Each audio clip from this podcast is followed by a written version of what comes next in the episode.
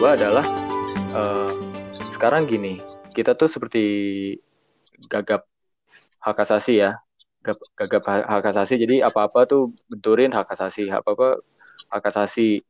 Jadi agak kurang fair. Jadi ketika misalnya pemerintah sekarang minta ditegesin, giliran udah ditegesin, ntar ada yang lagi yang kritik. Oh ini ini ini ini, ini. giliran lembek, ada yang ini ini ini. Nah itu yang perlu kita pahamin bahwa agak susah nih uh, eh, gue yakin lah semua presiden itu di mana pun negaranya apa pun itu menghadapi COVID-19 itu kan agak ya pasti mm-hmm. kaget Siapa lah ya. tim medis aja tim medis iya tim medis aja tadi uh, yang sudah paham terkait dengan ilmu kesehatan aja itu bingung gimana menanganinya. Apalagi presiden itu kan mewakili seluruh rakyat dan mewakili seluruh mm-hmm. aspek. Jadi uh, mau dari kesehatan dipertimbangkan, dari ekonomi dipertimbangkan, apalagi uh, gue juga tahu lah namanya manusia. Kalau perut gak dikenyangin, ribut mm -hmm. nanti, gitu kan? Yang penting, yang penting perut lah gitu. Nah sekarang uh, gue gue yakin jadi presiden itu susah uh, untuk memilih kebijakan. Nah ngomong-ngomong tadi uh, new normal tadi, ketakutan kematian yang melonjak dan segala macam. Sebenarnya yang gue lihat itu kan kebijakannya bukannya yang 45 ke bawah itu yang boleh beraktivitas ya. Ini mohon dikoreksi juga dari lo. Benar nggak sih sebenarnya yang umur-umur uh, 45 itu yang rentan terhadap yang maksudnya yang masuk kategori hmm. parah? Uh, kalau misalnya dari data sendiri itu bisa juga dilihat kan kalau misalnya di Indonesia itu datanya eh, mostly penyakitnya berpusatnya di Jakarta ya sekitar hampir yeah, yeah. 30% lebih itu kan ada di Jakarta di antara hmm. di seluruh Indonesia. Uh, bisa dilihat juga sendiri di uh, corona.jakarta.go.id. Kalau misalnya di situ nanti ada tuh grafik umurnya. Kalau misalnya dilihat pada pasien-pasien yang memang sudah terkonfirmasi COVID sendiri, itu memang banyaknya itu yang di atas 45 tahun yang sudah terkonfirmasi dan memang di angka kematian sendiri itu meningkatnya memang di atas umur eh, uh, 40 tahunan. Dia apalagi di atas umur 50 tahun. Kenapa bisa kayak gitu? Karena memang kalau misalnya orang sudah tua atau sudah uh, lanjut usia memang kan imunitas atau daya tahan tubuhnya lebih rentan ya daripada orang-orang muda. Jadi mereka lebih rentan yeah. untuk terkena dan uh, apalagi kalau misal orang-orang tua itu biasanya kan udah punya penyakit-penyakit bawaan ya. Bukan penyakit bawaan sih maksudnya penyakit pada orang tua. Mm komorbid hipertensi komorbid, ginjal jantung gula dan sebagainya. Nah itu kan juga menjadi komorbid komorbid uh, pada covid. Dan banyak orang-orang yang berujung kematian juga biasanya punya komorbid penyakit itu gitu. Nah uh, berarti kan uh, sebenarnya sudah kalau gua rasa ya gue mewakili mm -hmm. menjadi orang awam nih uh, sebenarnya sudah tepat dong meng, meng, memberikan aturan new normal. Jadi kita seperti mengambil jalan tengah bahwa oke okay, COVID ini ada kita akuin ada. Dan tapi tapi balik lagi ekonomi ini harus jalan. Perut perut rakyat ini harus diisi. Karena kalau enggak itu banyak pasti banyak banyak menimbulkan keributan keributan yang lainnya impact dari situ. Nah uh, eh, gue tidak minta untuk pemerintah kenapa nggak kasih BLT ya kita sadar aja lah negara kita kayak gimana dana dari mana dan menghidupi 270 mm -hmm. juta orang kayak gitu jangan juga komen kok datanya sedikit sedikit doang ya kok yang tes baru mm -hmm. dikit dan segala macam ya lo sadarilah negara Indonesia itu mm -hmm. pulau jumlah penduduk terbanyak luas daerahnya ya pokoknya rasio kerapatan manusia itu tinggi lah. Jadi mau gimana sih penularan pasti tinggi dan untuk logistik mm -hmm. itu akan sulit. Berarti kan tadi balik lagi kita sudah tep, uh, sepertinya sudah tepat bahwa umur 45 sampai 5 atau 50 ke bawah boleh beraktivitas. Iya memang gue melihat data juga uh, ada juga yang umur 20-an sampai 30 mm -hmm. itu terkena positif. Cuman kan uh, tidak uh, parah ya. Maksudnya di sini ada juga WHO bilang bahwa 80% dari yang positif itu uh, mm-hmm. tidak ada gejala. Maksudnya OTG dan mm-hmm. tidak parah lah ibaratnya ringan. Dan itu di range umur umur-umur di bawah umur 45 tadi yang dikatakan. Ya. umur produktif. Nah, sedangkan yang ada angka 14% atau 15% kita katakan itu yang masuknya menengah ke atas yang sudah berumur ya. mulai uh, berumur sudah ada ibaratnya ventilator sudah di sedikit uh, ya dipasang dan dan ada lima persen lagi itu mm yang benar-benar parah sampai berujung mm, hampir ke iya. kematian. Yeah. Jadi kan sebenarnya kalau melihat kondisi seperti itu memang benar dijalankan uh, 80 per, uh, 80 persen ini boleh beraktivitas, mm ya kan? Ya berarti uh, ya dia tanpa gejala dan tidak parah. Toh pun juga kan pemerintah juga memberikan himbauan bahwa tetap ada protokol. Jadi nggak semena-mena. Kadang-kadang gue juga kesel sih melihat berita itu menggiring sesuatu tanpa ada lengkap datanya. Jadi orang-orang membuat suatu opini sendiri yang mana banyaknya adalah oh iya berarti boleh beraktivitas di bawah 45 tapi ya seperti biasa aja tanpa ada apa-apa padahal yang gue tahu pasti semuanya ada protokol baru ya nih judulnya aja udah new normal bukan normal lagi ini udah new normal semua tuh tetap boleh beraktivitas di bawah 45 mm-hmm. tapi kan tetap ada protokolnya toh pun kalaupun positif itu kan umur-umur yang segitu tuh cukup mm-hmm. dengan isolasi mandiri. Tergantung ininya Betul, sih kan? ya, tergantung keparahannya kayak apa. Ya, ah maksudnya dari dari secara persentase kan OTG. tadi 80% kan uh, mm-hmm. iya OTG. Jadi kan maksudnya masih mm-hmm. bisa isolasi mandiri ataupun bagaimana dan sisanya kan kalau kita ngomong dari porsian yang di bawah 45 dan sisanya mm-hmm. itu kan parah ya. Uh, gua rasa mungkin ya mungkin, gue juga nggak tahu nanti gimana rumah sakit tidak terlalu ya sama seperti sekarang gitu. Uh, bahkan malah menurut gue udah berkurang karena orang tua itu sudah emang berdua di rumah dan ini orang muda aja yang mana uh, kapasitas rumah sakitnya mungkin bisa saja berkurang uh, korban-korbannya. Hmm. Menurut lo gimana? Menurut gue sih kalau misalnya pun ya tadi ya seperti dibilang usia produktif kan kayak 80% pasien-pasiennya kan OTG ya.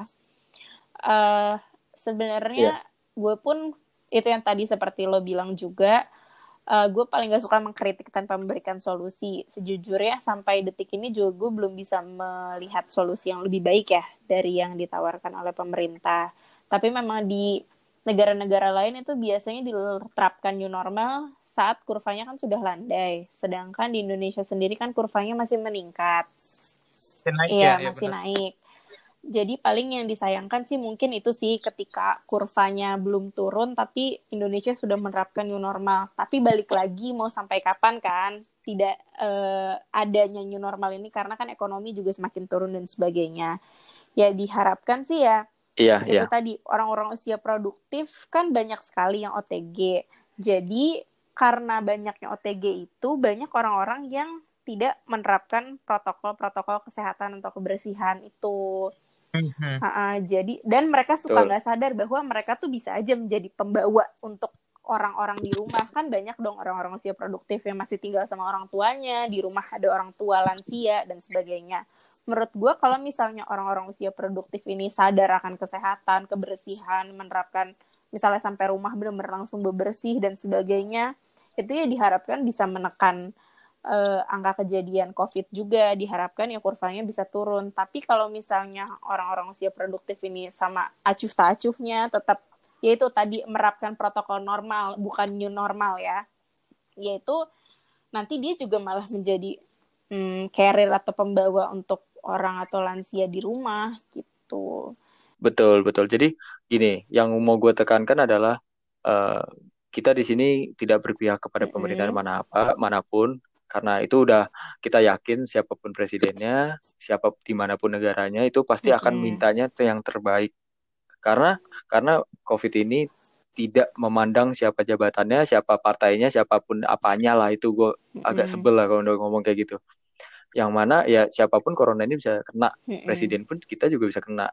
Nah berarti kan yang terpenting adalah apa pun kebijakannya kalau lu emang gak ada yang bisa solusi yang lebih bagus ya udah jalanin. Dan menurut gue ini adalah udah kebijakan dari presiden yang sudah digodok segit sedemikian rupa dan inilah yang sejauh ini masih yang terbaik. Tinggal bagaimana kita sendiri dong.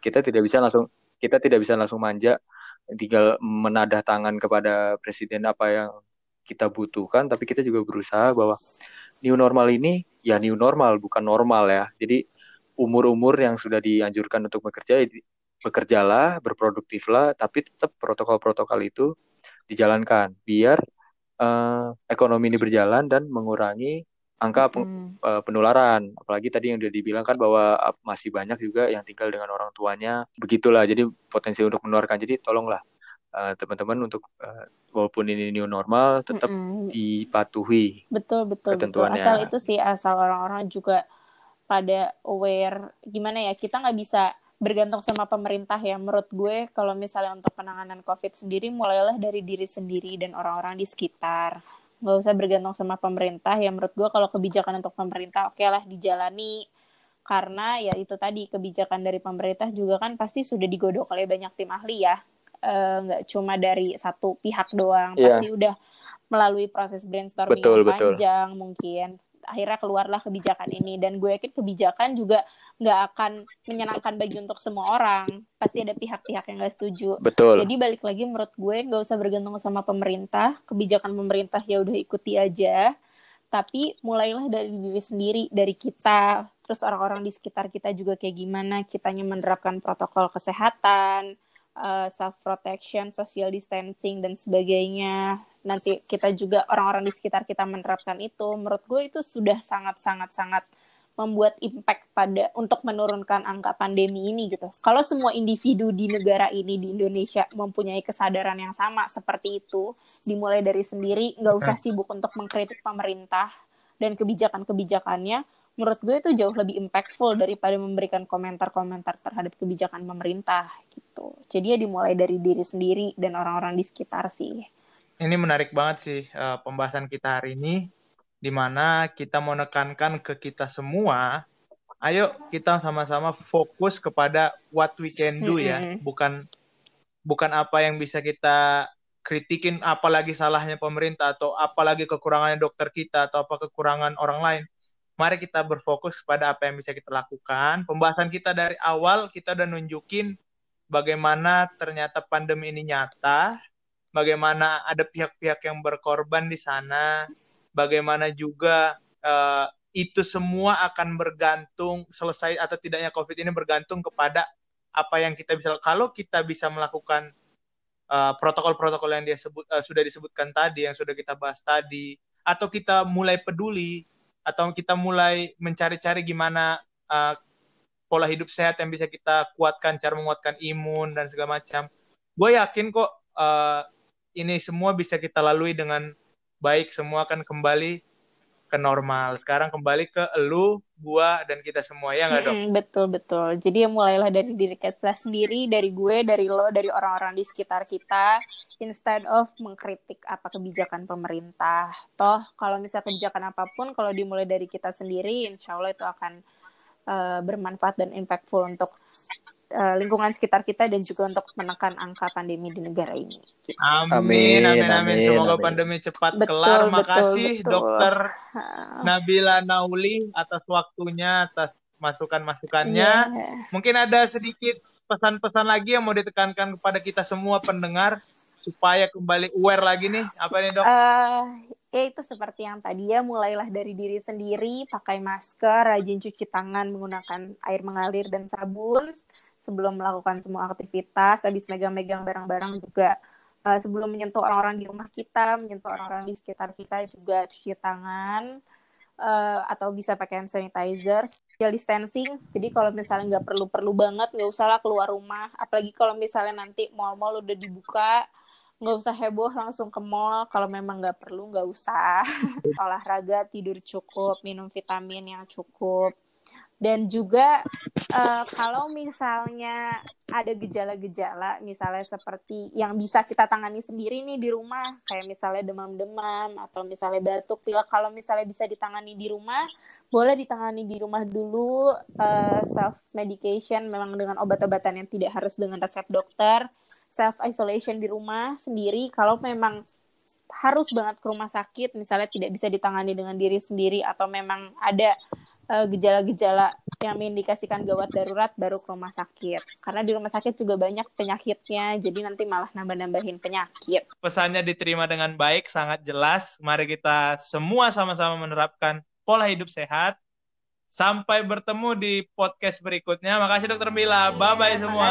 Udah makasih Jason. Dadah. Terima kasih. Bye bye semua. Dah.